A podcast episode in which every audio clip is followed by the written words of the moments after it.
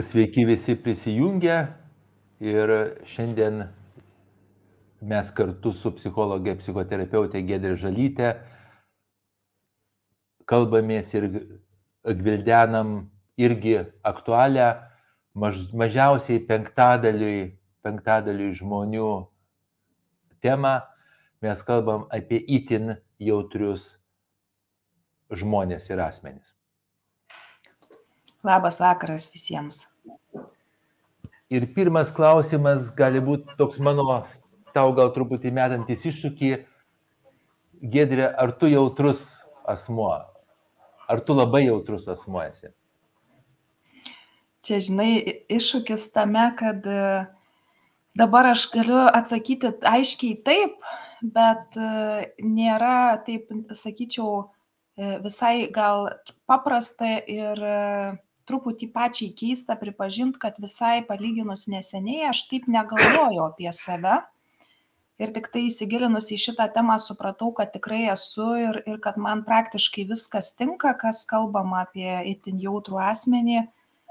Ir dėl to manau, kad labai svarbu apie tai kalbėti, nes manau, kad jeigu jau psichoterapeutai patys savyje ne visada tai atpažįsta, tai ką jau kalbėti apie kitus ir aš to neatpažinau savyje dėl to kad labai stipriai tai siejau su sensoriniu jautrumu. Aš nesu labai sensoriškai jautri bet pasirodo kad tai visai nebūtinai taip stipriai susiję su sensoriniu jautrumu. Tai yra vienas iš ypatumų bet yra daugybė kitų.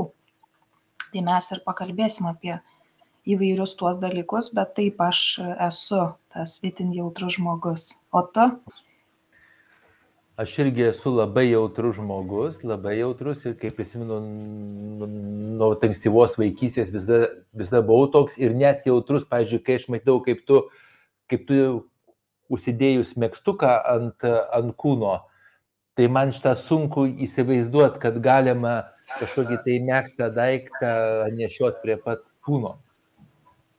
Turiu daug mėgsinių dabar įsigijęs, bet nei vieno mėgsinio nešiau jau keletą žiemų užtat, kad tiesiog per daug esu jautrus, net ir šita prasme, jau nekalbant apie kitus savo jautrumus. Taigi du jautrų žmonės kalba apie jautrų žmonės, klausantis daug jautrių žmonių. Ir klausantis tų žmonių, kurie gyvena su jautriai žmonėm. Taigi, e, gal pradėkime apibūdinti, kokiais ypatumais pažymė jautrus žmogus.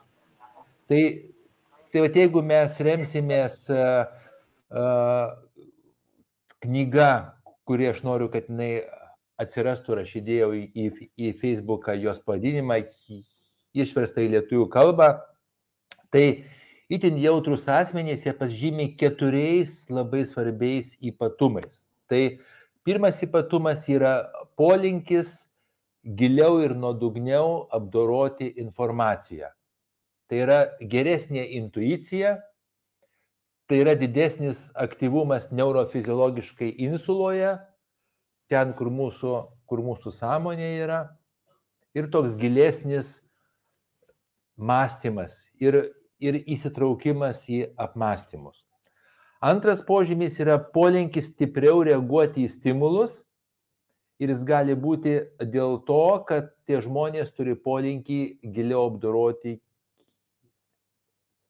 informaciją. Kai stimulų labai daug ir to itin jautraus žmogaus smegenys nori apdoroti daug informacijos, tada šitą visą info glumina jautraus žmogaus smegenys ir jisai labai stipriai reaguoja į tos stimulus. Ir įsivysto vadinama sensorinė perkrova ir tie žmonės gali būti jautrus kvapam, garsam, vaizdam, pojūčiam kam tik tai nori. Ir tai vargina šitos žmonės. Jie išvargsta greičiau. Jie nori pabūti be stimulų. Ir mes apie tai išnekėsim. Trečias ypatumas yra, yra daug stipresnis emocinis reagavimas į įvairius stimulus, tiek vidinius, tiek išorinius. Ir net į stimulus, kuriuos tas jautrus žmogus prieima kaip teigiamus, kaip, pavyzdžiui, sėkmė, kaip, pavyzdžiui, smalsumas, kaip pavyzdžiui džiaugsmas, kaip pavyzdžiui malonus troškimas. Ir tų stimulų šitam žmogui gali būti per daug. Ir ir didesnė, gilesnė empatija. Ir pas tuos žmonės manoma, kad yra daugiau vidudinių neuronų. Ir ketvirtas ypatumas, irgi labai svarbus, didesnis subtilumas ir subtilumų pajautimas negu vadinamiesiems normaliems žmonėms. Įtin jautrus asmenys, jie daugiau jaučia ne tik spalvų, bet ir spalvų atspalvių ir tiesioginė ir perkeltinė prasme. Jie daug lankščiau reaguoja į aplinką, tą aplinką jaučia ir prie jos pristaiko. Kaip tu apibūdintum, Gedrė, va, tai, ką, tai, ką mes dabar pateikėm, ką, mes, kaip, ką tu dar norėtum pridėti arba iliustruoti per kažkokius tai pavyzdžius? Taip.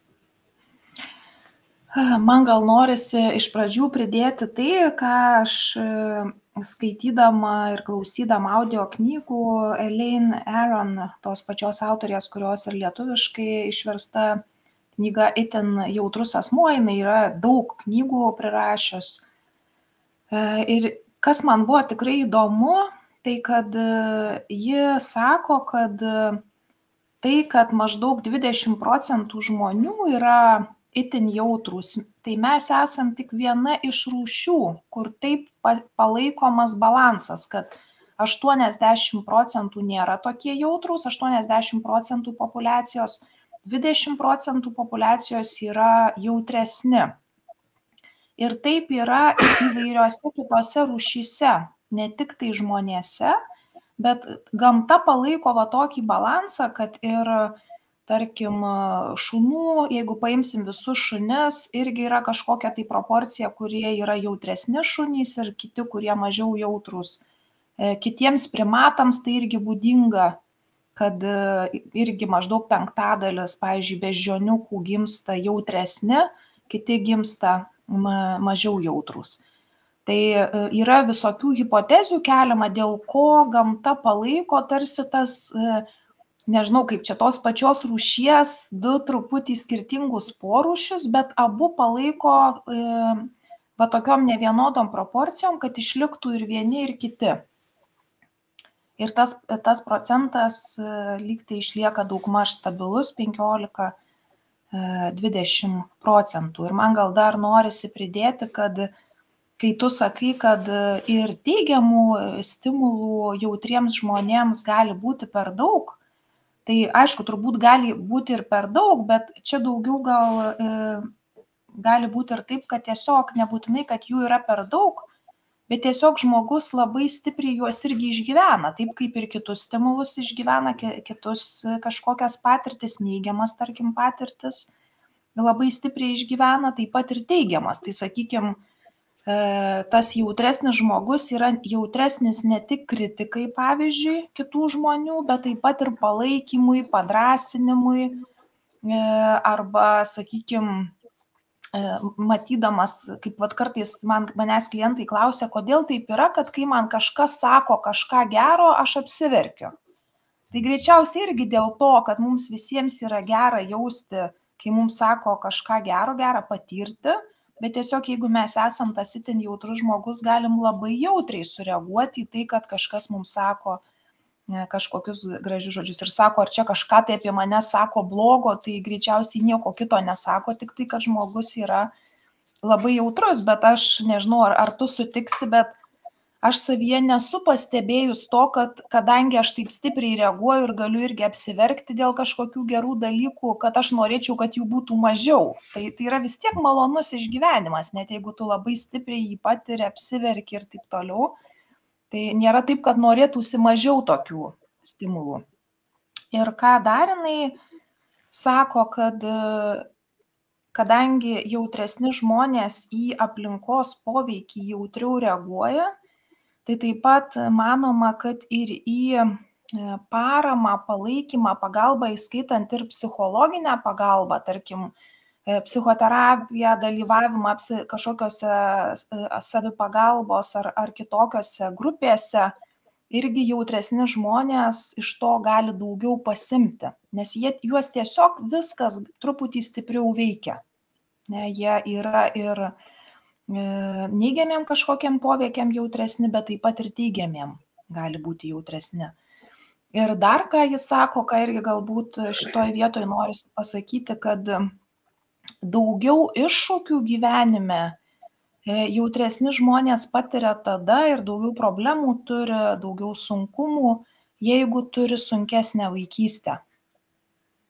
Sunkesnė vaikystė sukelia daugiau problemų, daugiau traumuoja ir, ir daugiau reikia įdėti jautresniam žmogui darbo, norint tarsi save atstatyti, atkurti kažkokius tai pažeistus dalykus ir e, jei, jeigu tai mus pažeidžia, ar ne, nes nebūtinai kiekvieną pažeidžia, bet jeigu, sakykime, mažiau jautrus žmogus e, tokiuose pačiose aplinkybėse sudėtingose auga, tikėtina, kad jisai bus mažiau pažeistas. Bet jeigu žmogus auga teigiamoj, palaikančioje aplinkoje, tai tas didesnis jautrumas nėra minusas iš principo. Tiesiog su juo yra sunkiau, jeigu aplinka yra nepalanki. Mhm. Mes tą matom klinikinėje praktikoje. Iš tikrųjų, kad jeigu yra labai jautrus žmogus, tai tos vaikystės patirtys, jos gali būti netokios stiprios, bet jos, jos gali būti labai stiprios šitam žmogui. Ir, ir, ir tada šitas žmogus gali būti, gali būti pažeistas. Bet jeigu, jeigu šitie žmonės nėra pažeisti labai, tai va įdomi tokia mintis ir aš tą matau irgi savo patirtyje, kad jie geriau pristaiko prie aplinkos ir jiem kartais geriau nesekasi, geriau sekasi bendrauti, geriau sekasi atpažinti žmonių poreikius. Jie gali būti puikūs labai psichologai, psichoterapeutai. Taip, ten, kur reikia intuicijos ir kur reikia jautrumo, ir kur reikia išvalgų, ir kur reikia to gilesnio mąstymo. Bet tik tai tuo metu, jeigu nėra per dėlės stimulacijos jie pristaiko geriau. Jeigu tik atsiranda per dėlė stimulacija, tie žmonės pasimeta ir jie pristaiko blogiau. Ir tada nu, toks keistas dalykas, kad jeigu nėra per dėlės stimulacijos, mes tuos itin jautrius asmenys vertinam kaip stiprius asmenys, nes jie geriau pristaiko.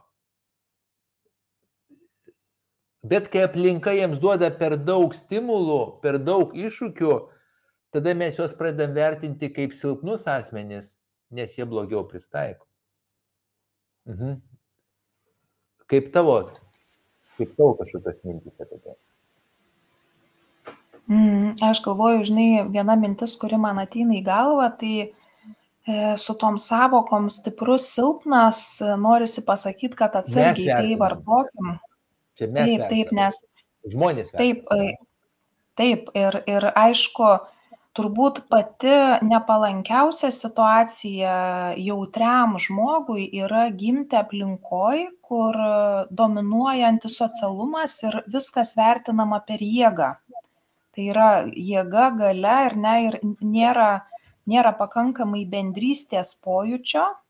Ir pavyzdžiui net ir šeimoj e, sąlygas diktuoja ir viską lemia tas kuris yra galingiausias ir tokioj terpėj itin jautrus žmogus o tuo labiau itin jautrus vaikas niekada neturės galios. Ir dėl to kiek aš matau žmonės kurie turi tą itin jautrų temperamentą ir augo tokioj terpėj kur vertinama buvo tik galia jie labai save nuvertina.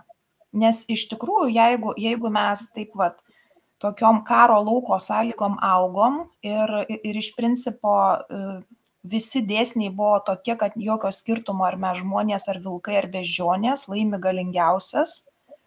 Tai iš tikrųjų to tokioj terpėj kur kur tokios žaidimo taisyklės e, itin jautrus žmogus e, vargiai ar bus galingas. E, ta prasme galingas ir ir ar vertins laikys save vertingu. Tai man atrodo kad daliai kaip aš matau daliai žmonių kurie turi tą itin jautrų temperamentą prigimtinį ir užaugo va tokioj terpėj kur kur vertė buvo lygi galiai jėgai labai nelengva bet labai svarbu yra atsisakyti šito vertinimo būdo. Nes jeigu žmogus išlieka šitame kad aš ir toliau tikiu kad vertingi yra tik galingi tai yra nuolatinė amžina savivertės problema, nes jautraus žmogaus stiprybės visai kitos, jisai daug geriau e, atsiskleidžia bendradarbiavimo, bendrystės atmosferoje, jis daug daugiau tam sukurtas bendrystėj ryšiams, e, o ne konkurenciniai kovai ir, ir skaldyk ir valdyk kažkokiems principams. Tai būtent. Ir mes jau gavom daug, klas, daug klausimų iš anksto, mes gavom apie 30 klausimų ir matau, kad čia daug klausimų yra. Ir aš iš karto atsakau gerbiamam povilui ir gal gedrė pridės, kur, kuris klausė, ar įmanoma jautriam žmogui išmokti atsitapatinti nuo vaikystės traumų. Tai mano atsakymas yra neįmanoma atsitapatinti nuo jokios savo gyvenimiškos patirties. Ir visi bandymai atsitapatinti nuo savo patirties, jie tik tai daugiau mus gali traumuoti. Bet perdirbti, perdirbti savo vaikystės uh, traumas, ką gali, pavyzdžiui, schemų terapija, galima ir net mes siūlom, siūlom daryti tai. Gal tu kažką, Gedrė, pridėsi prie to? aš sakyčiau kad žiūrint ką žmogus įdeda kokią prasmę į žodį atsitapatinti bet kas tikrai įvyksta ir kas pavyzdžiui man yra įvykę ir ir daugeliui mano e, klientų su daugeliu mano vaikystės patirčių kurios buvo aš tikrai neturėjau kažkokios itin traumuojančios vaikystės jokių dalykų kurie klasikine prasme suprantami kaip labai baisūs man nenutiko E, vaikystėj. Bet e, ką, ką mes galim, kai galvojam apie kažkokias mūsų traumavusias patirtis, pavyzdžiui, nežinau, kažkokias atstumimo patirtis, ar tai buvo atstumimo patirtys šeimoje, mamos arba tėčio atstumimas, ar tai buvo atstumimo patirtys su kažkokiais tai bendramžiais, mokykloje, darželį ar kažkur, kur vaikas jautėsi atstumtas. Tai kas gali įvykti, mes galim iš tikrųjų suteikti kitokią prasmę, pačia giliausia, pačia giliausia prasme mes galim kitaip suprasti, kas ten įvyko.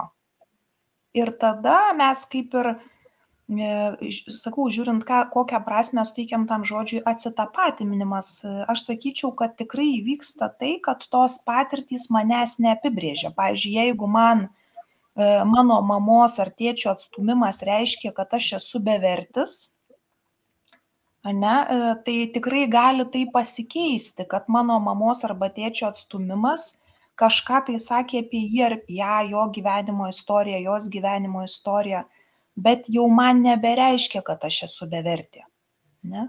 Manęs nepriėmė tarkim manęs nemylėjo ar dar kažkas ten įvyko bet tai jau neapibrėžia kas aš esu arba kokia mano vertė. Tai šitas tikrai bent jau dalinai gali įvykti tai va čia žiūrint sakau, ką, ką tas žodis atsitapatinimas reiškia, bet e, po e, emocinių perdirbimų tai tikrai tik, tik tai šitas niekaip negali giluminis prasmės pasikeitimas, ką mums reiškia mūsų vaikystės patirtis, niekaip negali įvykti dirbant racionaliu lygmeniu, šnekučiuojantis taip civilizuotai apie tai, tik tai patiriant stiprius jausmus tai gali įvykti ir perdirbimus, darant bet e, tai kokią mes prasmę suteikiam ir kaip mes save suprantam po tų patirčių ką mes apie save mąstom tikrai gali pasikeisti ir tai ir yra giluminės psichoterapijos tikslas Taip, bet mes tada vadinam žodį perdirbimas, taip? Vat jis yra geresnis žodis negu atsitapatinimas, lyg tai apie tai negalvojimas arba atsiribojimas, taip? Tai tai yra perdirbimas, mes integruojam tas patirtis ir jau kitų būdų su, su juom įeinam į santykį, į kitą santykį, negu kad buvom. Ne?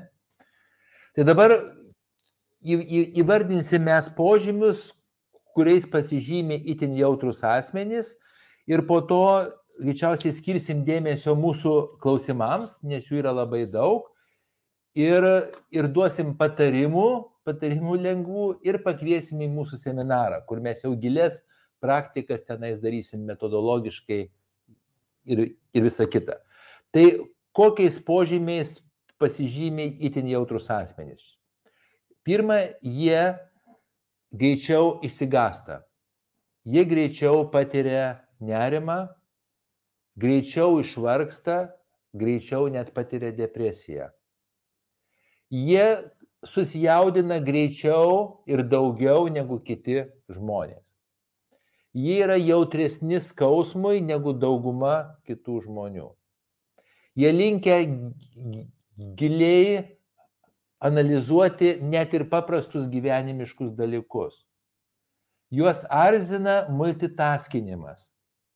Juos erzina triukšmas. Juos erzina daug garso, daug vaizdo, daug kvapo, daug lietimo, daug žmonių, daug visko. Jie empatiškai reaguoja į kitus žmonės. Jie jaučia, jaučia kitus žmonės. Jiems svarbu susitvarkyti savo aplinką, aš pagal savo dukrą vieną. Jie, jie, jinai yra klasikinis itin, bet jau itin jautrus žmogus, jau tikrai itin. Taip? Tai, tai tai labai svarbu autonomija, taip, tas savo kambarys ir savo teritorija ir taip, kaip jinai nori, kad sutvarkytų. Su tom šviesom, kaip jinai nori ir visa kita. Taip. Jie, šitie žmonės jaučia didesnį pasitenkinimą, kai jie paskiria savo veiklą kažkokiam menui, subtiliam ypatingai menui, švelniems skoniams, kvapams, garsams. Jie vengia smurto, jie vengia jį matyti, girdėti, apie tai kalbėti. Jie yra pareigingi žmonės. Jiems juos glumina, kai reikia labai skubėti. Jiem labai svarbu nepadaryti klaidų. Jie pasižymė intuiciją gilesnė, tai yra jie neįsisamonintai turi žinių apie aplinką ir apie save ir naudoja. Juos gali sukrėsti įvairios permainos gyvenime ir jie gali pasamoningai vengti permainų, permainų gyvenime, vengti iššūkių, vengti nesaugumo. Įtin jautrų žmonės gyvena turiningą vidinį gyvenimą. Yra netyrimų, kad itin jautrų žmonės jie geriau, geriau lošia, lošia azartiniuose žaidimuose, nes jie daugiau pajaučia to kito žmogaus būseną ir taip toliau. Jie greičiau nuvargsta ir da jiems norisi atsiriboti ir pasitraukti. Jie pastebi, pastebi labai daug subtilumų, jau mes apie tai išnekėjome jie geba padaryti aplinką jaukesnę. Jie geba atpažinti ryšius tarp reiškinių, kurių tų ryšių nemato kiti žmonės. Bet jeigu jiems reikia konkuruoti, apie tai tu šnekėjai, jie, blog, jie blogi kovotojai ir blogi konkuruojantis asmenys. Jie pasimeta tada jiems sunku būti alkaniems, taip, ar, arba kažkokiem frustruotiem. Ir kai jie jaučia įtampą, jiem noras yra pastraukti kažkur tai vietą. Ir mano duktė, pavyzdžiui, ateina, ateina svečių ir jinai, kad ir vos nepase ateina svečių, jinai paima išeina į savo kambarį, kai nori būna. Ir aišku, itin jautus asmenys, jie su daugiau jausmų ir emocijų reaguoja į stimulus. Ką tu dar pridėtum prie šitų požymių arba kažkaip išryškintum?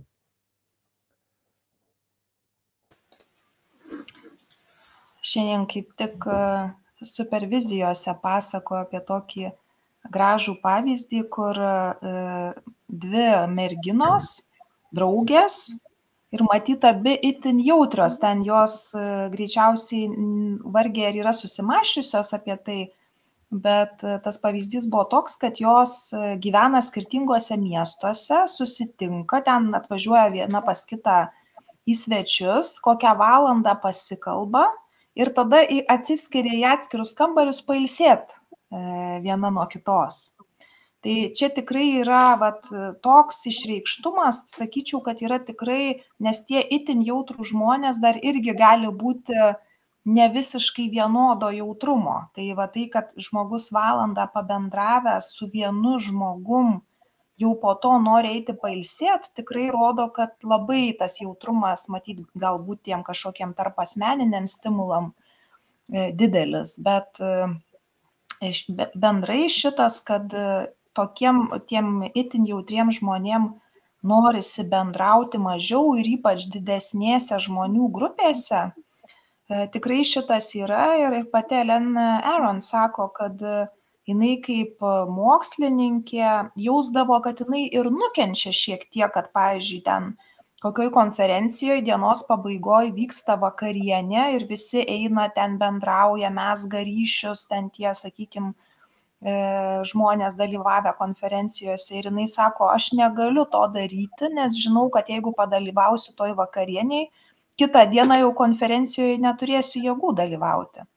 Tai čia vėlgi kiekvienam žmogui tai yra skirtingai išreikšta tas intensyvumas, bet daliai žmonių ta perkrova yra, jie taip jautriai ją reaguoja, kad jie tiesiog kitą dieną gali iš lovos nepasikelti arba galva labai skauda ar panašiai. Tas, tas kaip, kaip organizmas, jeigu jisai persikrauna, kaip, kaip reaguoja, yra labai individualu. Tai dėl to, man atrodo, yra E, labai svarbu save tyrinėti ir, ir pamatyti, kur tos mano ribos yra ir, ir ką aš galiu ir neapsinuodysiu tais stimulais ir kurioj vietoje jau aš apsinuodysiu e, jais. Bet va čia yra vienas iš iššūkių, kad e, ribas brėžti itin jautriems žmonėms yra sunkiau tai kitaip sakant va čia mums reikia nusibrėžti ribą ir sau pasakyti kad aš pavyzdžiui neisiu ten į kažkokią vakarienę arba aš dabar e, pavargau ir man reikia atsitraukti į savo kambarį, pabūti vienai ar ne, nors ten nežinau, giminės sėdi ir kalbasi. Bet kadangi tas itin jautrus žmogus yra, aš kažkokią aidą pradėjau girdėti. Ne, ne, puikiai girdėsi, puikiai, bent jau man. Mhm. Kadangi tas itin jautrus žmogus yra labai jautrus kitų emocijoms, ne, tai jisai, pavyzdžiui, pasakydamas, kad aš dabar valandą išeinu arba aš iš vis išeinu, jam gali būti sunkiau, nes jisai matys visus niuansus, kaip ten kas sureaguos, kas nus, nuliūs, kas nusivils, kas supyks ar panašiai ir, ir, ir tas žmogus viską pastebi. Ir aš e, prisimenu, kai aš pradėjau dirbti su grupėm, aš nesuvokiau, kas čia vyksta, bet man būdavo, aš būdavau labai labai pavargus. Padirbu su grupe, pavyzdžiui, 3 valandas padirbu, pravedu grupę ir po to man reikėdavo 3 kokių 4 valandų, kad aš užmigčiau, e, jeigu aš, tarkim, vakare pravedu grupę. Ir aš paskui supratau, kas vykdavo, nes e, sėdi, pavyzdžiui, 12 žmonių grupiai ir aš sėdžiu ir aš matau 12 veidų 3 valandas ir mano smegenys suregistruoja viso krūvas visokiausių išraiškų visuose tuose veiduose, kas kaip į ką sureagavo, kas ką pajuto kažkokią akimirką. Ir paskui aš virškindavau ten tris valandas ar kiek visą tą informaciją, kas ten vyko, kokie niuansai kieno veide matėsi. Po to su laiku tai sumažėjo ir ir aš dar paskui įsisąmoninau kad aš labai e, stebėjau tas visas išraiškas ar aš nenuviliu nieko ar visi patenkinti kas irgi e, e, tiem itin jautriem žmonėm būdingiau yra atsakomybės labai didelis jausmas nenoras nuvilti baimė nuvilti baimė sukelti kažkokių neigiamų emocijų kitiem žmonėm baimė būti nuvertintam ir kritikuojamam ir taip toliau taip šitas tikrai paskui sušvelnėjo su laiku ir ir ir paskui smegenys išmoksta nebebudėti taip stipriai neberegistruoti kiekvieno to veido kiekvienos išraiškos ar čia niekas nenusivylė ar čia niekam nenuobodu ar ar panašiai. Tai vat ką aš noriu pasakyt kad tikrai nėra taip kad mes negalim adaptuotis. Galim adaptuotis bet kartu ir yra kažkokios ribos kiek mes galim adaptuotis. Tai tikrai, sakykime, kaip vat, kalbant apie tas kovas, tai aš ir, ir tau, ir kitiem kolegom esu mm, labai ir savo įsivardinus visų pirma, kad ten, kur reikia eiti su kažkuo kovoti, net jeigu aš labai tikiu tą idėją, dėl kurios reikia kovoti, bet kovoti aš netinku, nes aš sustingstu. Ypač jeigu mane kažkas puola, mano nervų sistema taip reaguoja. Ir aš nežinau, jeigu nebūtų visai kitos išeities, gal aš per kažkiek treniruočių ir adaptuočiausi, kad galėčiau, nežinau, ar, ar tai įmanoma ir kiek reikėtų treniruotis, bet tai labai sunkiai pakeičiamas dalykas. Kad tiesiog smegenys ypač į kitą stipriai dominuojantį žmogų reaguoja sąstingiu to itin mhm. jautraus žmogaus. Dėkui tau Tai jeigu grįž prie tų dviejų merginų ir mes turim klausimą, kaip bendrauti dviem jautriem žmonėm, tai aš labai jas sveikinčiau ir girčiau, kad jos žino, kaip elgtis. Jos, jos po valandos bendravimo atsitraukia, pailsi ir perdirba visą informaciją smegenyse. Ir mes žinom iš mokymosi teorijos, kad mūsų smegenim reikia laiko, jeigu mes norim išmokti ir daug perdirbti informacijos, mums reikia laiko, kada nesimokyti. O tokios pauzės ir mūsų smegenys sudėsto viską į lentynėlės. Tai aš iš karto, iš karto visiems jautriem žmonėm ir patariu, ir mes turbūt gal, galim dviese patarti, kad pripažinti tai, kad mes esame jautrų žmonės ir, ir šiuo metu nebijoti jau pasakyti kitiem, kad žinai, man truputį jau daug informacijos, aš einu truputį atsitraukęs tą informaciją perdirbsiu. Perdirbsiu savo smegenyse. Ir, trup, ir atlikti tai. Ne? Pa, paskirti laiko šiek tiek pauziai. Ir tų pauzių daryti daugiau. Ir mes turim klausimą, kaip bendrauti su vadinamaisiais stipriai žmonėm. Čia, čia būtent žmogus parašė stipriai žmonėm, nuo kurių sustingstu. Tai gal Gedrė, tu jau pasakyk, kaip bendrauti su tai žmonėm. Aš sakyčiau, kad... Mhm, jo, tai aš, aš iš savo pozicijos turbūt pirmiausia uh, sakyčiau, kad labai svarbu uh, atsakyti savo į klausimą, kam man šito bendravimo reikia kam man to reikia? A ir aišku tame kartu yra užkoduotas klausimas ar man to reikia? Ar aš tikrai matau prasmę? Nes aš tvirtai tikiu tuo arba kad kiek man mes... reikia iš to bendravimo? Arba kiek labai geras klausimas? Mhm. Mhm, taip. Būtent koks kiekis jo man, man, man turi kažkokią vertę, turi kažkokią prasme, nes jeigu e, aš įsivardyju savo vardan, ko aš tai darau, ne, tai tampa bet ką lengviau pakelti, jeigu aš matau e, kažkokią tai prasme tame. Tai jeigu aš tą prasme matau, kažkokią vertę matau, e, tada galiu po truputį treniruotis, e, save stebėti, kaip, kaip tas žmogus mane trigerina vadinamai, kaip, kaip jis mane kažkaip tai emociškai paveikia, kokios man tada kyla emocijos, kokios mintys, kokie kūno pojūčiai ir kaip aš galiu save nuraminti toj situacijoj, save nuraminti, save palaikyti. E, kad esmė tokiuose situacijose, kad pas mus pačius neįsijungtų vidinis kritikas. Nes e, blogiausia yra, jeigu tas žmogus, pavyzdžiui, yra kažkoks dominuojantis, nuvertinantis ir pas mus įsijungia viduje kritikas, ne, ir, ir prasideda pas mus viduje jau mintys, kad aš silpnas, aš nesusitvarkau, ir tada gaunasi kad du žmonės tarsi atakuoja mus. Ir tas mus pavyzdžiui kritikuoja nuvertina ir nori ten kažkaip nugalėti. Ir mūsų vidinis kritikas dar mus puola. Tai labai svarbu kad kad pas mus iš vidaus eitų palaikymas sau kad taip aš kitokiu būdu elgiuosi aš kitaip reaguoju. Ne mano man galbūt man reikės kartais pauzių atsitraukti e, nubrėžti tas ribas ir panašiai. Kitaip sakant aš galiu tame bendravime dalyvauti tik savo būdu. Labai svarbu, vad kaip atsimenu, kai kartais dar žiūrėdavau krepšinio varžybas ir būdavo komentatoriai komentuoja, kad viena komanda kitai bando primesti savo žaidimą. Ir sako, jeigu jiems pavyks primesti tiems kitiems savo žaidimą, jie laimės.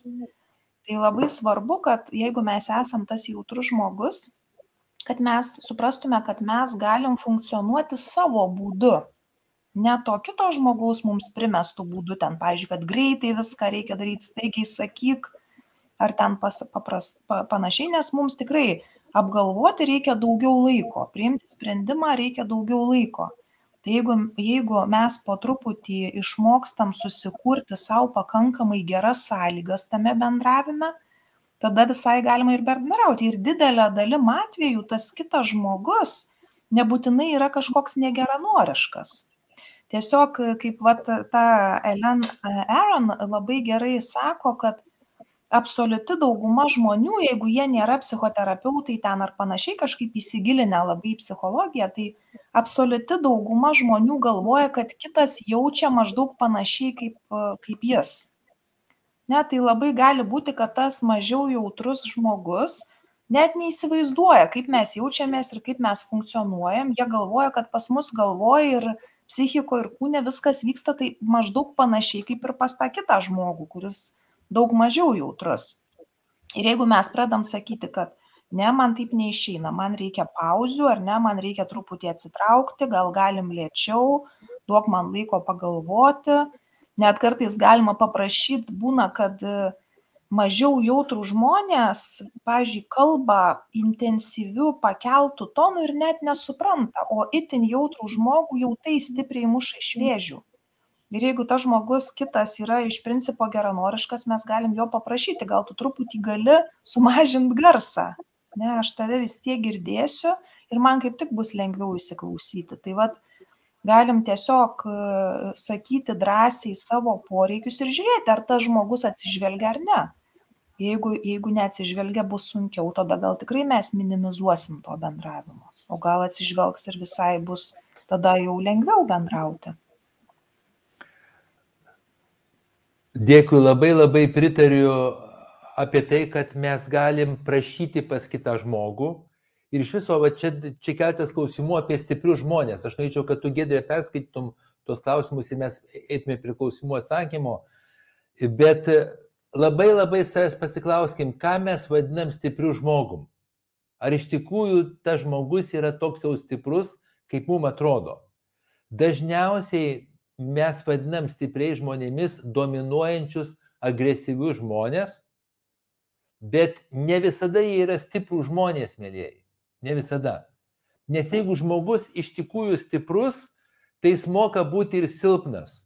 Jeigu žmogus iš tikrųjų, iš tikrųjų stiprus, jis, jis moka pripažinti savo pažeidžiamumą, savo ribotumą, savo silpnumą ribas ir čia yra stiprybė, o ne tas toks dominuojantis labai stilius. Ir jeigu mes esam santykiai su kitu žmogum, ypatingai artimu žmogum, bet net pavyzdžiui, jeigu esam darbo kolektyve arba kažkokio mokymosi grupiai, mes galim labai aiškiai mesti kamoliuką jiems sakyti, aš esu jautrus žmogus. Aš norėčiau, kaip tu labai gražiai pasakėjai, kad tu šnekėtum mažiau garsiai, nes aš pastebėjau, mano balsas labai garsus ir mano jautrus mokiniai, psichoterapeutai, kurių daug labai jautrių yra, į tą mano didelį garsą, garsą reaguoja jautriai ir kartais reikia pritildyti savo balsą. Arba mes galim prisiminti, kad mes visada bendraujam laikydamiesi tam tikrų taisyklių. Visada. Net jeigu nesam sutarę su sutarę dėl jų, tai mes galim prašyti kitokių taisyklių laikytis. Ne? Prašyti, kad tas žmogus užduotų klausimus, o ne teiginius. Kad jisai pastebėtų, kas pas mus yra gero, vadinamo, taip, kur yra mūsų stiprybės, kad jis mus palaikytų, kad jis mus nuramintų, kad mus pastiprintų, kad užtikrintų mums saugumą. Mes visko galim prašyti.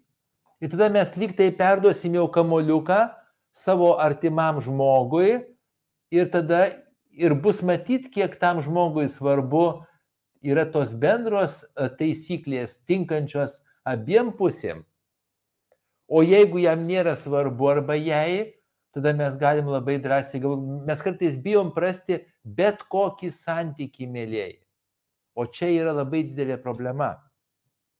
Nes mes galim mes turim teisę norėti to santykio, kurio mes norim.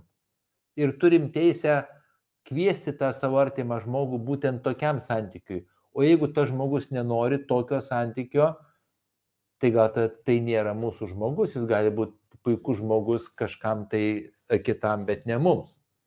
Tai gal Gedrė, tu galėtum jau kažkokį tai klausimą, nes tie klausimai atspindi mūsų temą ir mes galim pagal klausimus, kad žmonės jaustų, kad mes atsakom iš tikrųjų klausimus.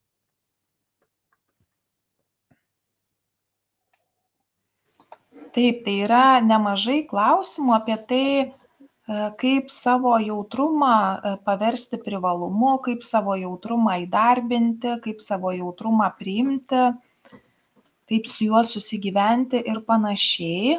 Tai e, aš gal pradėsiu nuo to, kad iš tikrųjų viena iš problemų e, jautriems žmonėms, e, dėl ko ne, ne tik tai, kad tas jautrumas savaime jau turi, kaip mes kalbėjom, savo tokių e, prigimtinių ypatumų, ar ne, arba žmogus su tuo jautrumu turi tam tikrų, sakykime, dėl to, vat, jautrumo sensoriniams stimulams reikia daugiau tada to poilsio laiko ir panašiai.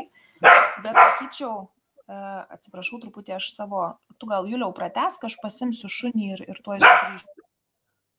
Mhm. Tai mes turim klausimą, kad kai mes prašom, kad kitas žmogus laikytųsi mūsų taisyklių, tada mes patiriam gėdą arba mes patiriam defektyvumo jausmą.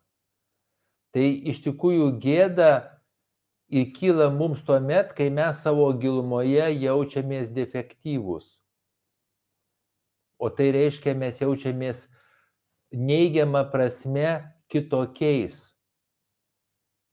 Ir daug yra būdų tvarkyti su tuo, čia, čia eina kalba apie savivertę ir mes su Gedrė esame padarę seminarą apie savivertę, kuris vadinasi moters savivertė, bet ten praktiškai viskas tinka ir vyrui. Ir mes galim savęs pasiklausti, ar iš tikrųjų mes esame mažiau vertingi negu kiti žmonės. Ar iš tikrųjų mes esame mažiau vertingi negu tie žmonės, kurie galvoja, kad jie yra daugiau vertingi. Ir ar iš tikrųjų tie žmonės, kurie jų į aplinką skleidžia informaciją, kad jie daugiau vertingi, taip galvoja. Labai abejoju kuo daugiau žmogus teigia į aplinką, kad aš esu kietas, labai vertingas, tuo aš daugiau abejoju, kad jis taip iš tikrųjų jaučiasi. Nes jis hiperkompensuoja. Jisai nori pateikti norimą kaip esamą. Ir kai aš sakau, jeigu tyčiojasi žmogus, tai tyčiojasi iš abiejų pusių žmonės su žema savivertė. Nes tas, kuris turi žemą savivertę, bet išmokęs vaikystėje, kad galima pasijausti geriau, kai kiti žmonės dar, dar žemesnė turi, jie eina į agresiją ir jie tyčiojasi. Ir jie pasijaučia geriau. Nes tas, kuris gerai jaučiasi, jam nereikia tyčiotis. Nes jis ir taip gerai jaučiasi. Jis blogai jaučiasi, kai kitas žmogus blogai jaučiasi. Nes sveikas, normalus žmogus, jis empatiškai reaguoja ir blogai jaučiasi, kai kitas žmogus blogai jaučiasi. Reikia būti labai nesveikam, kad tu jaustumės gerai, kai kitas žmogus blogai jaučiasi. Tai jeigu mes tą suprantam labai aiškiai ir savo užtikrinam, aš esu taip pat vertingas kaip visi kiti, ir sveiki lygoti, jauni, seni, gražesni, negražesni, vyrai, moteris, turtingesni ir mažiau turtingi, aš esu taip pat vertingas tai tada mes galim iš tikrųjų dirbti su savo tuo. Tai aš turiu teisę prašyti kitų žmonių, kad jie eitų su manim santyki, kuris yra bendrystė iš abiejų pusių. Mes įdomus ir svarbus vienas kitam. Ir mes turim susikurti taisyklės, kuriuose mes abu jaučiamės maksimaliai jaukiai tai jau tu grįžai. Taip, tai aš noriu truputį dar pratesti apie tą, ką pirmai pradėjau kalbėti apie tą savo jautrumo prieimimą. Ir norisi tokią papasakoti istoriją, kur vienoje savo knygoje prašo Ellen Aaron, kai e, viena jos draugų pora E, susilaukė antro vaiko, man atrodo, pir, neatsimenu, ar pirmas vaikas buvo berniukas ar mergytė, bet žodžiu, nei vienas iš tėvų nebuvo itin jautrus. Ir pirmas vaikas irgi nebuvo itin jautrus ir jie visi buvo labai socialūs, labai mėgo bendrauti, visur eiti, dalyvauti ir taip toliau. Ir kai gimė antra mergytė, e, jinai gimė itin jautri ir e, niekas nesuprato kurį laiką, kad taip yra. Ir paskui tie tėvai pradėjo sakyti, kas jai yra. Jis visur verkia, nuolat verkia, nuolat jai visokių tenais sudirgimų kyla. Mes niekur jos negalim nusivesti. Visur, kur be nusivedam ten, nu, ir, ir kūdikis, kai buvo ten, ir nežinau, dviejų metukų, kur be nusivedam, visur jai visokių ten žodžių dirglumų. Ir, ir Ellen Aaron sako, aš jiems paaiškinau, tiesiog jinai yra kitokio temperamento, jinai yra tas itin jautrus vaikas. Stebėkit, stebėkit ją ir, ir tyrinėkit, kas jai priimtina, kas nepriimtina, kur yra tos jos ribos. Ir jinai sako, ypač tėtis tos mergytės labai tą prieėmė iš karto, kad jos kitoks temperamentas ir iš tikrųjų nuoširdžiai pradėjo tyrinėti, kas, kur ka kada jinai gerai jaučiasi, kada jai pasidaro per daug, kaip atsižvelgti į tai, kaip, kaip jai padėti kažkaip rasti tą nusiraminimą ir taip toliau. Ir kas vyksta, jeigu vaikas va tokią patirtį gauna, e, jisai tada iš tikrųjų jaučiasi priimtas. Ne, kad ne tai, kad e, nuolat girdi tas vaikas, kas tau yra, ko tu taip reaguoji, pasižiūrėk į savo brolį arba sesę. Bet dėja labai daug jautrių vaikų auga būtent taip, kad sako visi tu pažiūrėk, kaip kiti reaguoja, kas tau yra, ne, kuo tu toks nežmoniškai jautrus. Ir aš prieš, e, nežinau, pusmetį maždaug dalyvavau e, webinare e, kanadiečių apie gėdos jausmą ir paprašė vedantysis į čatą, kad visi dalyviai, ten buvo apie 150 žmonių, kad visi parašytų į čatą, ką jie girdėdavo dažniausiai tu per ir daugybė, daugybė žmonių parašė tu per jautrus. Ir, ir, ir tie va žmonės, kurie matyt buvo e, iš prigimties jautresni, e, juos gėdijo tokiu būdu, arba nežinau, ar specialiai gėdijo, bet jiems tai susiasocijavo su gėdos jausmu ir jie klausėsi webinaro apie gėdą ne, nes jie kažkokie per jautrus, kažkokie netokie. Tai ką aš noriu pasakyti, kad tai mergytei tiesiog pasisekė, kad bent jau vienas iš jos tėvų labai greitai priemė tą kaip natūralų dalyką, ne jokį kaip minusą, tiesiog kaip jos ypatumą, kad jinai yra tokia ir, ir kaip tada padėti jai adaptuotis. Tai jeigu mūsų tėvai viso šito darbo nedarė, aišku, kad mums daugiau prireiks laiko ir pastangų susigyventi su tuo jautrumu, jį priimti, e, įdarbinti, kad tai, kad, kad e, ne tai gal, kad visai pasikeistų, aš manau, kad visai to visiškai išeliminuoti to kritiškumo, kad mums kartais įsijungs tas kritikas ir sakys, kad aš kažkoks nenormalus, ko aš taip reaguoju, vis tiek to kartais bus. Bet labai didelis skirtumas, ar nuolat šita plokštelė sukasi, aš nenormali, aš per jautri, ko aš taip reaguoju, kodėl kiti, kitiem reikia mažiau poilsio, kodėl aš vėl pavargau, kodėl man vėl reikia pailsėti ar panašiai, ar, ar kaip tik aš vis, vis labiau dėgiu savo tą tokį palaikymą.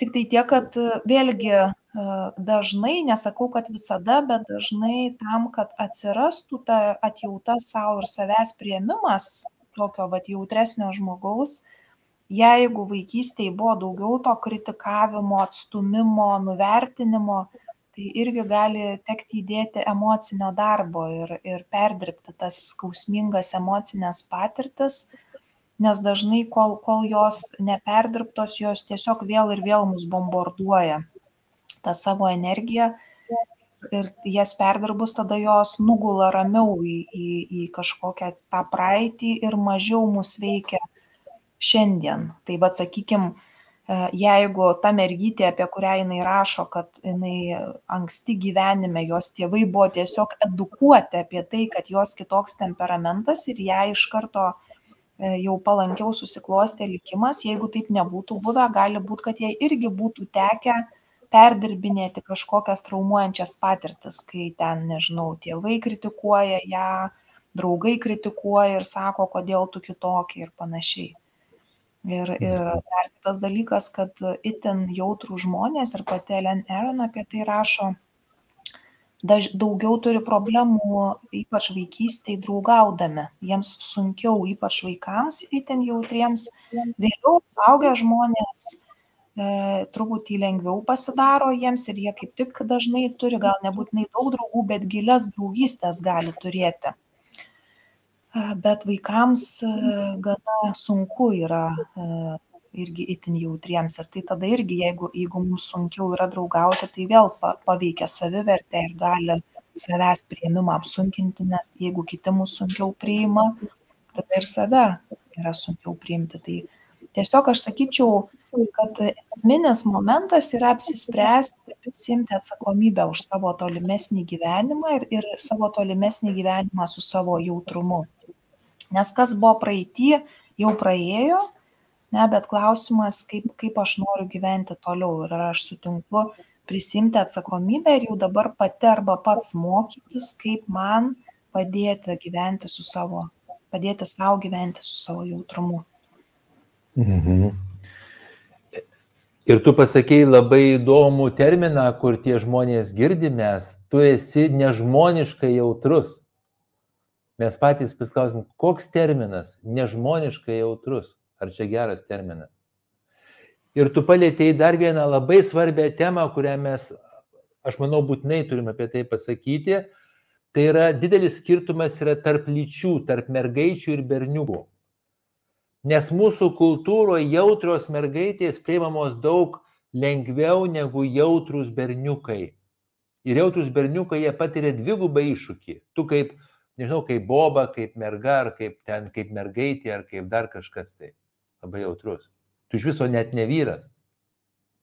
Ir šitoje vietoje mes turim labai labai aiškiai žinoti, kad pagrindinis dalykas, jeigu mes turim jautrų vaiką, iš viso vaiką, bet jeigu jautrų vaiką ypatingai, pirmas dalykas, mes turim validizuoti, validizuoti, validizuoti.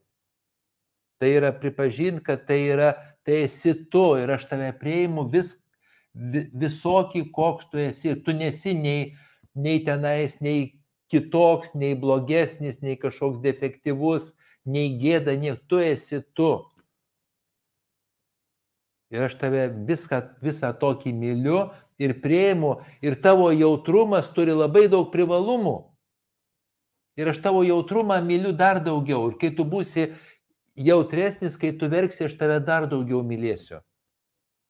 Arba kai tu pyksi, aš dar daugiau tave mylėsiu.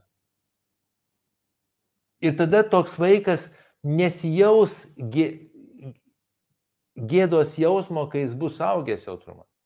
Ir net suaugusiųjų santykiuose aš labai siūlau validizuoti, pripažinti tą kito žmogaus jautrumą, ypatingai artimuose santykiuose, bet ir darbo santykiuose. Ir mes per būtent seminarą šnekėsim, kaip darbiniai aplinkoje elgtis. Tai vienas iš dalykų, tai kad vadovai turėtų suprasti, kad itin jautrus asmenys yra daugeliu aspektų vertingesni už tuos įprastus asmenys. Nes jie daugiau niuansų pajaučia, jie gali būti bendrabiaujantis geriau, jie lojalūs ir daug, daug, daug, daug gerų tokių bruožų turi. Ir kai tu sakai, aš galvoju, aha, sakyk. E, truputį įsiterpsiu, nes e, kartais, e, man atrodo, taip gali mes nuslyst šiek tiek į tai, kad tie jautresni tarsi dar geresni už tuos mažiau jautrius ar ten vertingesni ar panašiai. Tai aš tiesiog noriu pasakyti, kad man atrodo, nu, vienas dalykas, tai vis dėlto gamta daro, kad dauguma būtų mažiau jautrių. Tai tie mažiau jautrus vis dėlto irgi yra labai svarbus ir, ir kažkas labai stipraus yra svarbaus paremta tais mažiau jautriais žmonėm, bet tie labiau jautrų žmonės irgi turi savo vietą, savo funkciją. Tiesiog daugiau tokioj mažumoje yra, bet jie irgi turi savus privalumus. Bet man atrodo tiesiog, kad tai, kad gamta palaiko tą proporciją, kad yra ir tokių, ir tokių, tai vadinasi ir vieni, ir kiti yra reikalingi ir svarbus, nėra vieni geresni ar, ar blogesni tiesiog jie labai skirtingų privalumų ir trūkumų turi, pliusų ir minusų. iš viso man tas žodis geresnis žmogus, blogesnis žmogus yra toks kontroversiškas. Jūsų pats, pats žmogus, pat mes prieš tai su Tomu Šernu šnekėjom. Ir jis labai įdomią mintį iškėlė, aš pasakiau žmogiškumas su ta įprasta prasme, kad žmogiškumas tas kaip teigiamas labai toks šviesus dalykas. Ir jis labai gerai man pasakė, sako, atsargiai su šituo terminu žmogiškumas. Ne. Ir, ir paskui mes ir patėsim, kad žmogiškumas tai reiškia daug visokių spalvų pas, pas mus yra. Bet aš, bet aš kalbu apie bruožų žmogaus tam tikrose situacijose, įskaitant darbinėse, kad tie bruožai gali pastarnauti organizacijai, įstaigai, šeimai ir aš šito, šito savo požiūrio neatsakysiu. Ir net jau kalbant apie ankstyvą žmogaus vystimąsi, aš kartais galvoju, kai žmonės gyveno olose ir eidavo medžio daugiausiai, kurti laužus tenais ir daryti ir kovoti su kitom gentim, buvo žmonių, kurie piešė žvėris ar piešė gėlytės ar piešė žmogelius ant olos.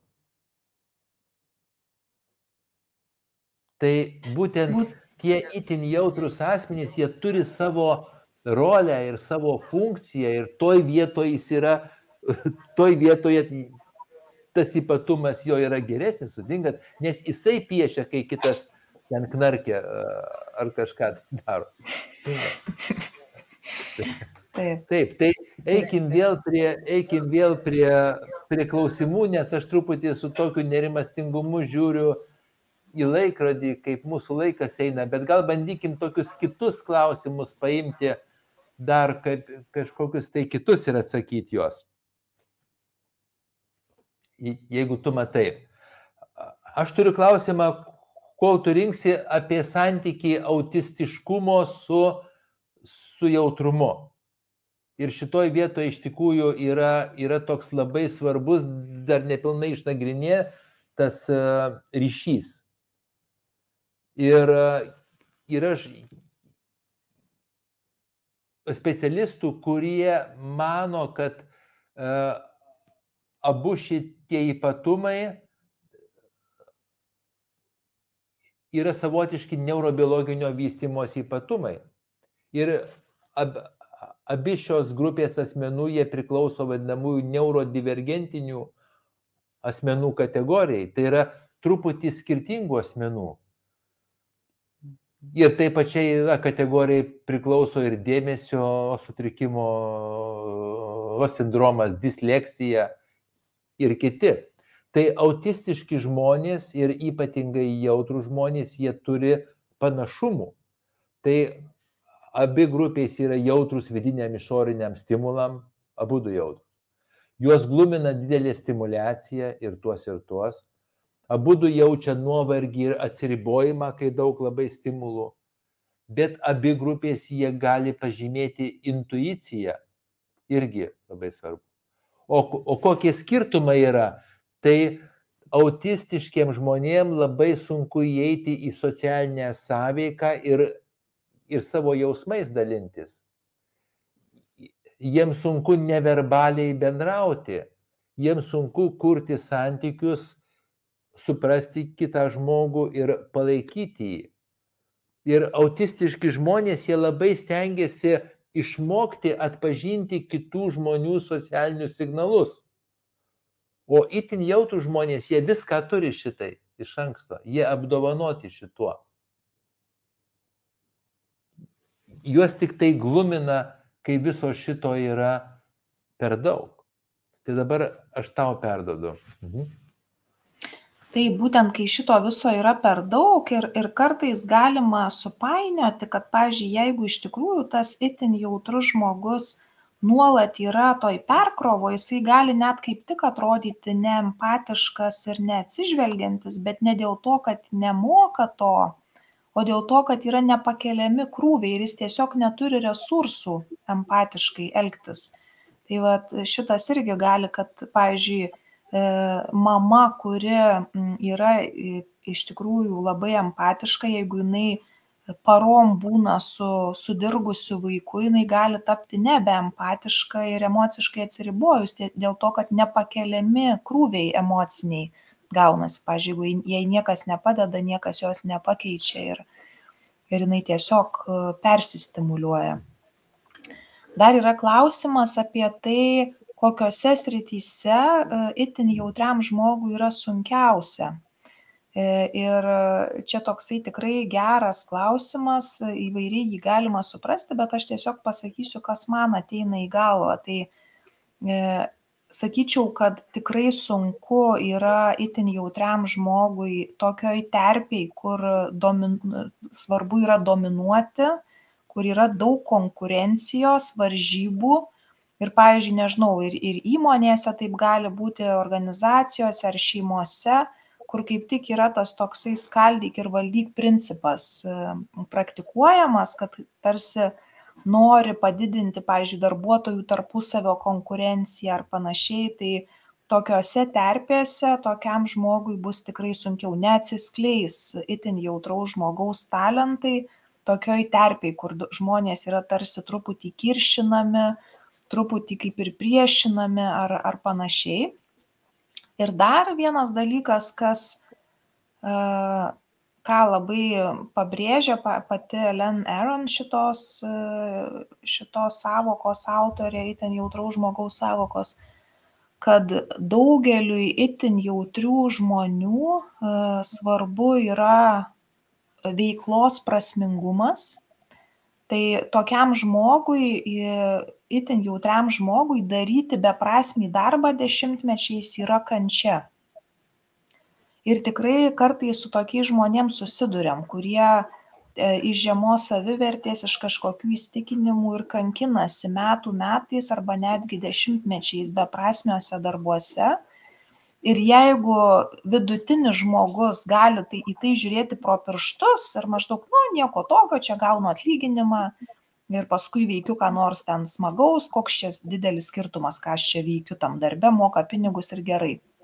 Tai itin jautriam žmogui daug sunkiau yra pakelti beprasmį darbą. Ir, ir čia niekas negali apibriežti, kas tas prasmingas ar beprasmis, čia tiesiog kaip pats žmogus suvokia. Mato jis tame prasme ar nemato, bet tai bent jau e, Ellen Aaron sako, kad dirbti beprasmį darbą e, yra emociškai sunkiau jautresniam žmogui. Ir kitas dalykas, ką, ką jinai taip pat sako, kad itin jautriem žmonėm labai svarbu yra kažkokios dvasingumo praktikos. Jos gali būti pačios įvairiausios, bet jeigu šito nėra, irgi aš vat turiu tarp klientų tokių žmonių, kurie yra itin jautrus ir jiem toks labai įdėktas pragmatizmas, kažkokio ten uh, labai pragmatiškų tikslų siekimas, kad tik tai tai duoda kažkokią tai vertę, tik tai tai turi kažkokią prasme ir jie tarsi priemė, kad taip ir yra, toks tas gyvenimas ir labai kenčia, nes jų prigimtis ir šitie įsitikinimai labai nedėra. Tai jautriam žmogui tikrai, kiek aš matau, nelabai dera tas toksai kad aš, nu, žodžiu, man rūpi tik tai mano, pavyzdžiui, karjera, kaip aš čia kilsiu tais laiptais, ar ne, kaip aš čia kažką tai ten aplenksiu ir panašiai. E, jeigu nėra kažkokio jautimosi visumos dalim, irgi jautresniam žmogui yra sunkiau, ne, kur visi veikia kaip kažkokie atskiri vienetai ir panašiai. Tai tai irgi be, be kažkokio to vat, priklausimo jausmo, kažkokia prasme tokio dvasingumo jausmo irgi gali būti sunku. Mhm. Ir, ir vėl galim grįžti prie, prie vat, jautraus žmogaus priežasčių neurofiziologinių.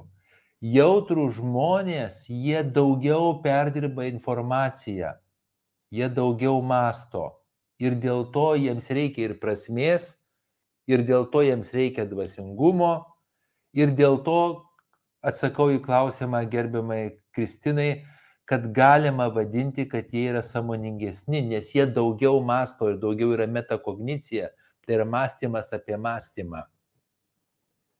Ir net jų insula, insulas smegenys yra didesnė, net yra tyrimų, kurie savo, kur kur mes manom, kad ten yra sąmonės vieta lygtai. Tai ir čia tu labai gerai išnekėjai apie, apie tą jautrumą organizacijoje irgi tuo aspektu galima paliesti. Ir mes gavom klausimą prieš mūsų va, transliaciją iš moters, kuri vadovauja keliam šimtam žmonių.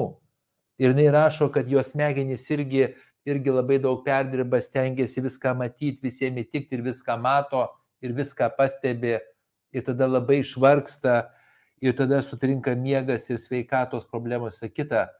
Tai mano patarimas ir, ir ar tu pritarsi, kad pripažinti tai ir, ir visų pirma vis dėlto atkreipdėmėsi į savo poreikius. O jeigu mes savo poreikius eikvojam kažkam, tai, tai pasiklausti savęs, dėl ko mes save žudom čia. Kodėl mes to norim? Tai arba keičiam savo požiūrį, ar tikrai to reikia? Ar tikrai to reikia tiems kiek keliems šimtam žmonių? Gal jiems reikia kažko tai kito? Tada atrasti tą tokį balansą, nes itin jautriem žmonėm labai svarbu yra balansas, mėlyjei. Balansas visur - garsuose, spalvose, žmonėse, gyvenime, prasmėse, visur balansas. Ir jeigu to balanso nėra, jie jautriau reaguoja į bet kokius disbalansus, bet kokius. Ir, ir baigiant mes patarsim patarimus, tokius paprastus gana, mes, mes praktikas e, duosime ketvirtadienį, bet šiandien patarimus. Tai, tai, tai vienas iš patarimų yra yra susikurti savo gyvenimą jaukų, jaukų savotiškai, aplinkoje ant savo stalo, savo drabužiniai, savo ritualuose, savo elgesyje, visur, kad tas būtų, kad tas būtų jaukumas tam žmogui. Tai, va. tai gal tu dabar kažkokį klausimą?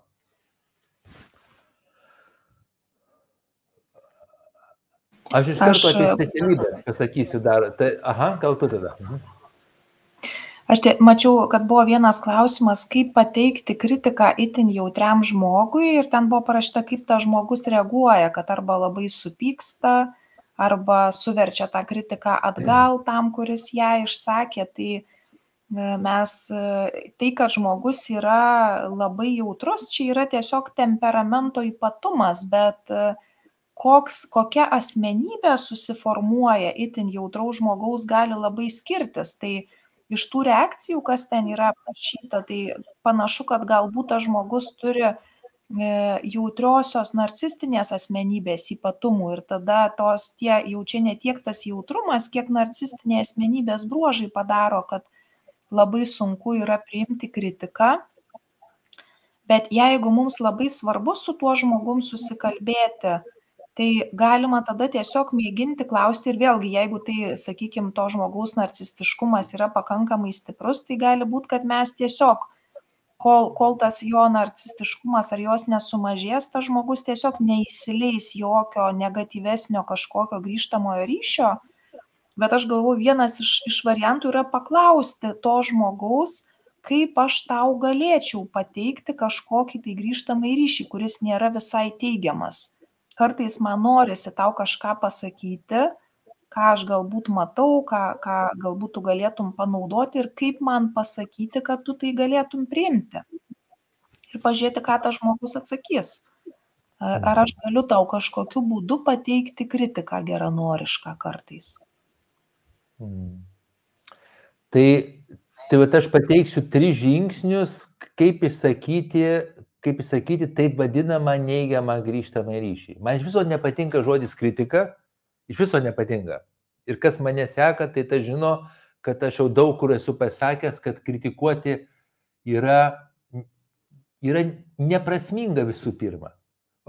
Bet jeigu jūs man sakysit, kad aš blogai apsirengęs, arba mano, arba mano akiniai blogi, arba aš kalbu blogai, ar pateikiu blogą informaciją, ar aš gausiu naudos iš to?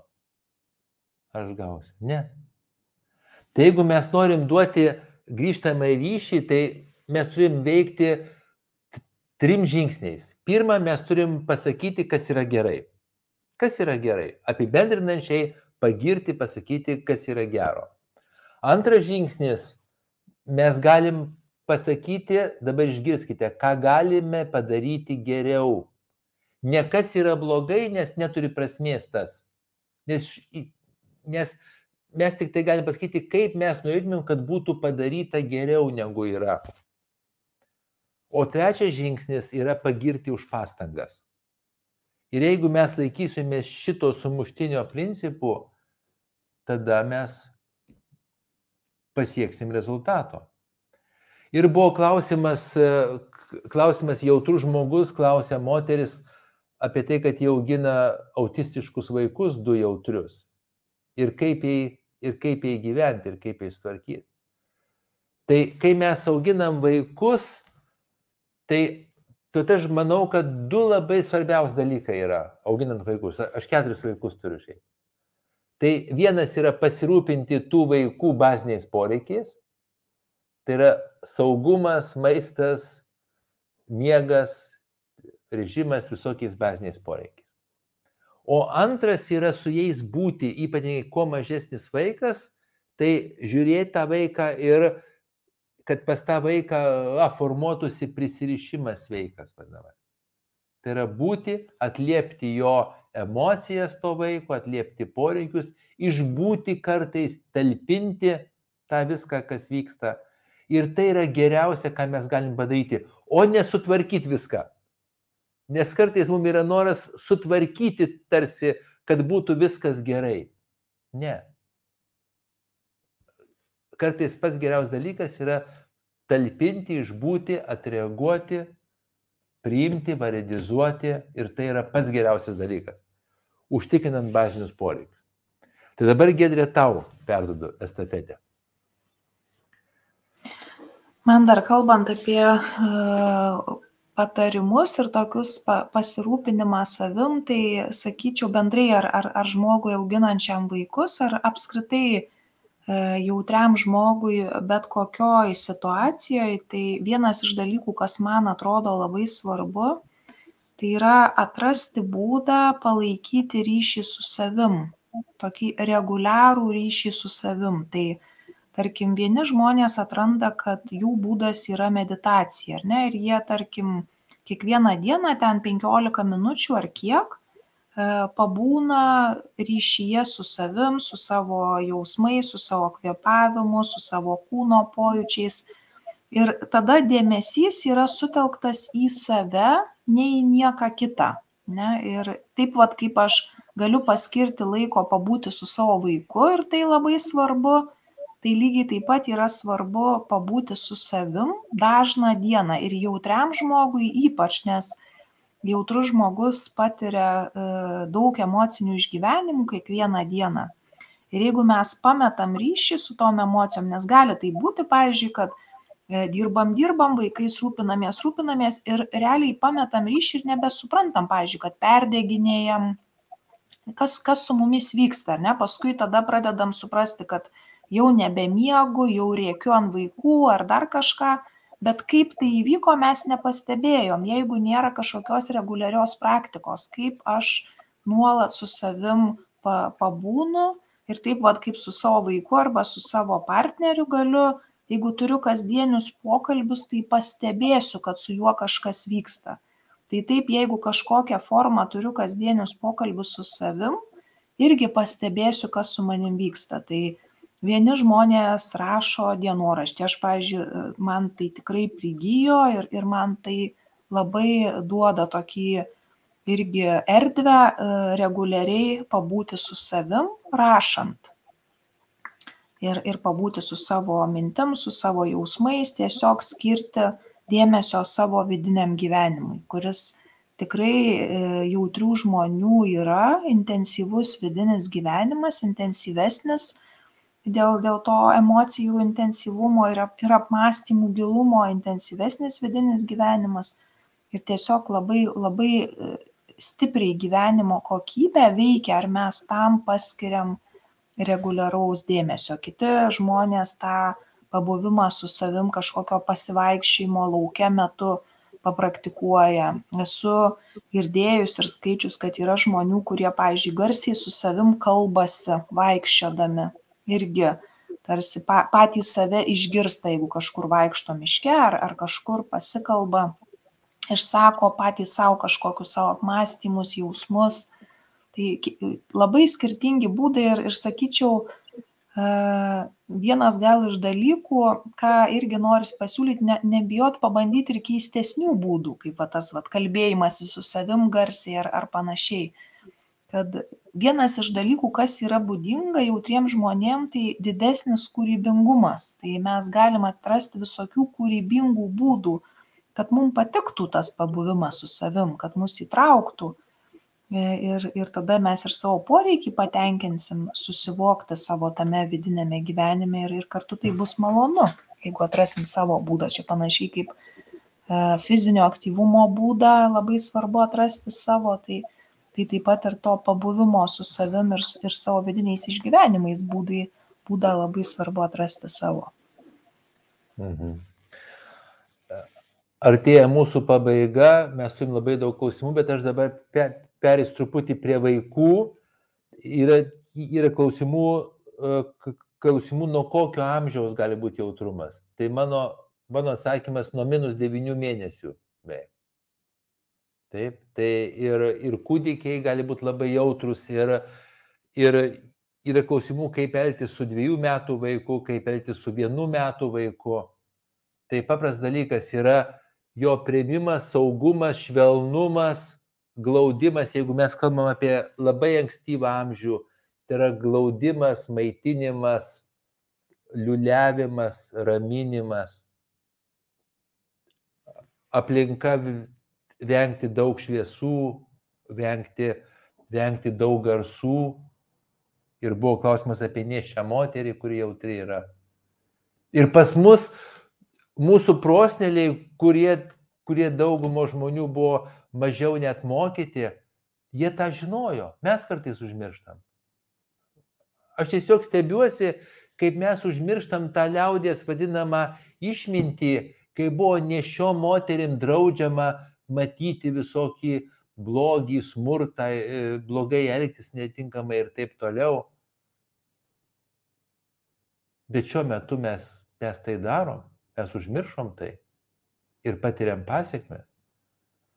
Tai gal tu gėdė dar kažką atsakyk į kokius tavo atrodo svarbius klausimus, mes aišku labai daug atsakysim seminaro metu ir pateiksim labai konkrečias metodikas, bet aš dar labai noriu duoti patarimų, gal kokia, nežinau, čia kokia 15 ar kiek, keliolika, kaip elgtis tam žmogui, kad jam būtų gyventi lengviau.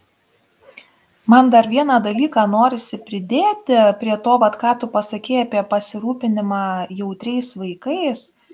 Tai man dar norisi priminti ir, ir, ir apie vaikus, ir, ir apie save, suaugusius žmonės, galvojant, kad prisiminkim visada, kad jautrų žmonės yra jautrūs ne tik neigiamiem dalykam, bet ir teigiamiem. Tai jautriam vaikui šypsokimės, parodykim švelnumą ir, ir kad džiaugiamės juo ir taip toliau ir tas irgi jį veiks labai stipriai. Jį veikia ar ją ne tik tai, kad ten triukšmai kažkokie stresai ar panašiai, bet jo nervų sistema ir mūsų teigiamas emocijas, mūsų švelnumą, meilę irgi padaugins. Taip. E, tai vad ir, ir labai dažnai, pavyzdžiui, ir tos vaikystės traumos vadinamos yra ne tik tai, kad ten kažkas mušė, žemino, skriaudė ar panašiai, bet e, teigiamų dalykų trūkumas ir jautrus vaikas taip pat ir teigiamų dalykų trūkumų yra jautresnis.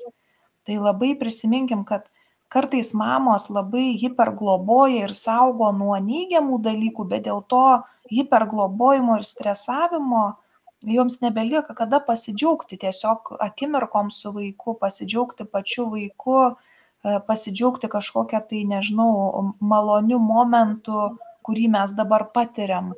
E, šitas irgi yra labai labai svarbus dalykas. Ir tas pats su savim irgi. E, jeigu kažką tai nuveikiam, nežinau, ar, ar kažką, kažkokia kryptim savo svarbia judam ir, ir esam tas jautrus žmogus, tai pasidžiaugim tuo Ir irgi ir, ir priimkim, kai kiti pasidžiaugia kažkokiais mūsų artimieji dalykais, nes ir jautriam vaikui, ir jautriam suaugusiam žmogui teigiamas grįžtamasis ryšys tiek iš savęs, tiek iš kitų labai svarbus irgi yra ir labai mm. stipriai veikia. Bet aš noriu at, atkreip dėmesį į tai, į tai, ką tu pradėjai, kad ir teigiamų dalykų perteklius irgi gali būti, gali būti labai gluminantis itin jautriam žmogui. Tai kartais tos pauzės, iš viso tas atsisakymas sensorinio dirginimo, bet kokio, yra labai svarbus tam žmogui pabūti uh, ramybėje, kiek galima leisti jos smegenim viduje perdirbti informaciją ir sudėlioti viską į lentynėlę. Ir čia e, dar... Matom... Aha. Taip. Aš dar, tu tiesiog tai, ką tu pasakai, man priminė vieną dalyką, ką kartais išsako jautrų žmonės, kad, pavyzdžiui, sako apie savo mamą, jinai nebuvo blogas žmogus, jos tiesiog buvo per daug. Ir mhm. būna va tas, kad tas, pavyzdžiui, ta mama galvoja, ką aš darau ne taip, kas čia yra, kodėl tas mano vaikas sudirgęs, ką man dar reikia daryti. Ir atsakymas yra ne ką daryti, o kad nieko nedaryti, palik jį ramybėj davęs, dabar tavęs per daug. Tai va šitą irgi yra kartais svarbu labai atpažinti. Taip, tai būtent. Ir tada pereikim prie prie tokių bendrų labai patarimų, bet jie gali labai padėti gyventi itin jautriam žmogui. Tai mano pirmas patarimas yra, ko mes irgi ir gedrė mums reikėjo daug metų abiems, kol mes tą supratom, tai pripažinkim, kad mes itin jautrus asmenys. Tai yra pirmas patarimas. Ir tai nėra blogai, mėlyjei, tai nėra, kaip Gedrė sako, labai, labai gal ypatingai gerai, bet tai yra tiesiog taip yra. Ir yra privalumų, yra, yra tam tikrų apribojimų. Taip? Antras patarimas mano būtų tyrinėti savo jautrumą ir savo galimybės pristaikyti prie šio gyvenimo. Tyrinėti, kaip mes reaguojam, kas mums veikia vienaip, kas mums kitaip veikia, užfiksuota viską. Trečias labai svarbus, aš mėlyje jums tikrai siūlau daryti tai tai informuokim apie tai kitus žmonės. Apie savo jautrumą, apie, apie būdus, kaip su mumis bendrauti, apie tai, kad mums reikia kartais pasitraukti ir ne į savo keutą, o pasitraukti truputį į kažkur tai, kur, kur mažiau stimulų yra. Ir tai nėra joks keutas, tai yra mūsų gyvenimas. Ir tai mums labai svarbu. Ir informuokime, mes turim teisę informuoti ir prašyti žmonių, kad jie atsižvelgtų į mūsų ypatumus, jeigu mes jiems svarbus.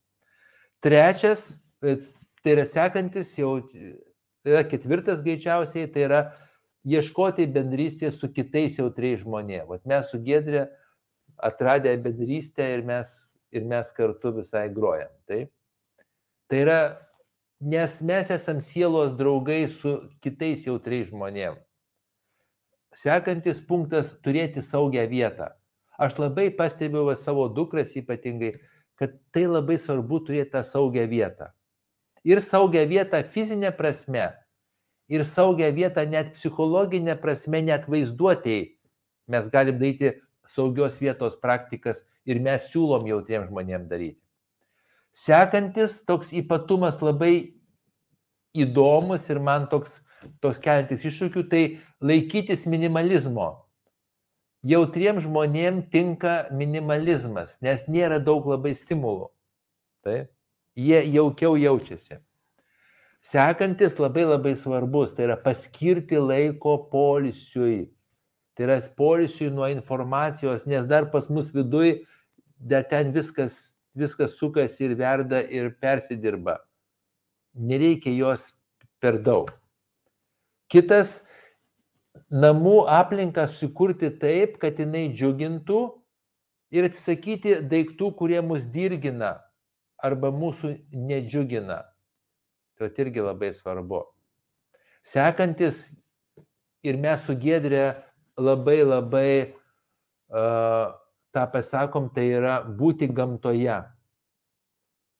Gamtoje tie žmonės jaučiasi jaukiau.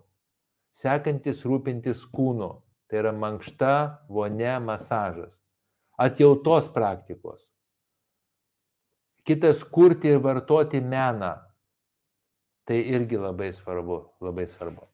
Meditacinės praktikos apie tai išnekėjom. Pradėti dieną ir užbaigti dieną ramiai ir taikiai.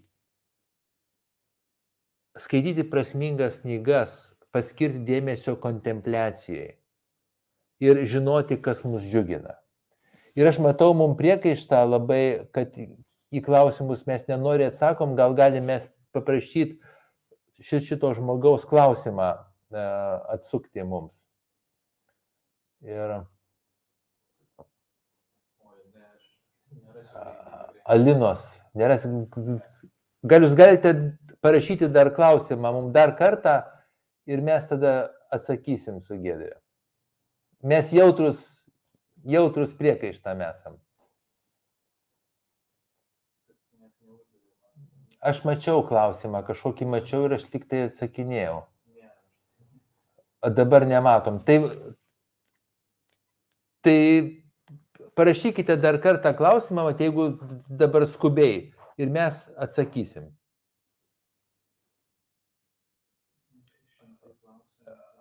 Aha, Gedrė, gal tu dar kažką tai pridėtum prie to, ką, prie to, ką aš pasakiau. Kas gali padėti? Va klausimą, ar tai lyga, ar tai nukrypimas? Nes dirbant tarp žmonių, jautriam žmogui, kasdien yra dėlis iššūkis ir manęs niekas nesupranta, kodėl pareinu namo kaip išsumta citrina. Tai matodo, mes pusantros valandos apie tai išnekėjom. Tas klausimas. Tai dėl to, kad smegenys taip funkcionuoja. Dėl to, kad, kad mes esam labai jautrus stimulų pertekliui. Ir jeigu tie žmonės nesupranta, tai tada mes tuos žmonės mokom irgi. Ir dar klausimas yra apie specialybės, aš bandžiau atsakyti, bet paskui nuėjo mūsų tai psichologija, psichoterapija, mokslas, miškininkystė, e, rūpinimasis gyvūnais. Tai irgi žiūrint kokiais, tai yra ten, kur, kur stim, daug nėra stimulų ir galima kontroliuoti savo laiką ir erdvę, kur nėra per daug žmonių, per daug visokių stimulų. O psichologija ir psichoterapija tai irgi tos rytis, kur mes galim valdyti tą savo darbo procesą. Aš dar pridėčiau, kad, mhm. kad vis dėlto, jeigu kalbant apie profesijas, tai taip yra kažkokie ypatumai, ką, ką jautresni žmonės dažniau renkasi ir, ir didelė gana dalis e, jautrių žmonių renkasi į žmonės orientuotas profesijas, nes jų ir smegenys yra orientuoti į žmonės bet kas dar yra labai svarbu kad e, tas itin jautrus temperamentas yra vienas faktorius bet labai svarbu kokie yra kiti. Ir pavyzdžiui e, septyniasdešim procentų žmonių kurie yra itin jautrūs yra introvertai bet trisdešim procentų yra ekstravertai. Ir tai gali labai lemti kas žmogui bus priimtiniau arba mažiau priimtina. Kitas dar labai svarbus renkantis profesiją dalykas kad dalis žmonių kurie yra itin jautrūs taip pat yra dideli naujumo mėgėjai. E, ir čia irgi yra labai svarbu ir tai yra gana sudėtinga kombinacija. Jeigu yra tas high sensation seeking aukštas naujų stimulų siekimas ir e, didelis jautrumas tai nėra taip lengva atsirinkti nes tokiam žmogui yra ir greitai jisai persistimuliuoja ir jam greitai nuobodu pasidaro jeigu yra mažai naujų stimulų. Tai vad labai svarbu yra dar ir kitokie įvairūs irgi temperamento faktoriai, nes jautrumas yra vienas aspektas, bet yra ir visokių kitokių ir galų galia aišku ir tai, kokios vertybės mūsų irgi labai nulėmė, kokiuose darbuose mes matysim vertę, prasme. Taip ir gerbiama Lina patiksino klausimą, ar specialistai pripažįsta jautraus žmogaus sindromą, tai žiūrint kokie specialistai. Jeigu mes pažiūrėsim lygų klasifikaciją, tai tarptautiniai lygų klasifikacijoje tokios lygos nėra. Ir tokio ypatumo nėra. Bet psichoterapijoje mes apie tai kalbam. Yra kontroversijų moksliniuose tyrimuose, aš apie tai dabar nekalbu, bet, bet mes aiškiai matom, kad tokia būsena jinai yra ir jinai yra įgimta. Man tik tai klausimų kelia būtent Eron E, mintis ir jos tyrimai, kad yra arba jautrumas yra, arba nėra. Šitoj vietoj mano klinikinė patirtis truputį prieštarautų. Nes mano klinikinė patirtis vis dėlto sako, kad yra kontinuumas. Ir net gyvenimo eigoje mūsų tam tikros pastangos ir tam tikras gyvenimo būdas, tą mūsų jautrum, mūsų smegenys išmoksta adaptuotis ir jos gal netampa tokios jau hiperjautrios. Ir aš manau, kad dar bus galbūt e, tyrimų.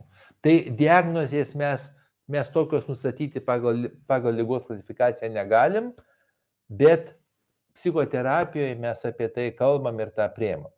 Tai ar įgimtas, ar įgytas, tai visais atvejais greičiausiai, greičiausiai daugiau balsuotumėm už įgimtą ir paskui sąlygos jos tik pastiprina Nes mes jau šnekėjome apie tai, kad jeigu yra vaikystės traumos ir taip toliau, arba šiuo metu yra hiperstimulacija, tai tas jautrumas išryškėja. Tai jeigu ten apie vaiką yra klausimas, tai jeigu vaikas turi jautrumą, tai reikia sudaryti jam tinkamas sąlygas, kad tas, kad tas jautrumas jo būtų adaptyvus. Aš taip sakyčiau. Gal tu dar kažką tai. Čia daug, čia dar. Mhm. Jo, man gal tik tai norisi tą vat pasakyti, kad kalbant apie tą jautrumą ir, ir kaip jisai kinta gyvenimo eigoj, tai mes, pažiūrėjau, jeigu turim tą prigimtinį itin jautrų temperamentą, tai labai svarbu e, tai, koks mūsų, susi... kokį mes perimam į tai požiūrį. Ir, pažiūrėjau, jeigu pas mus išsivysto tas E, iš aplinkos perimtas kritiškas požiūris į savo jautrumą, tai tai gali tą jautrumą ir dirglumą dar daugiau didinti. Ne? Nes e, tai reiškia, kad aš, pavyzdžiui, kažką sureaguoju jautriai, tada save dar užpuolu, ko aš taip sukritikavau ir tada dar jautriai reaguoju tą savo vidinį kritiką.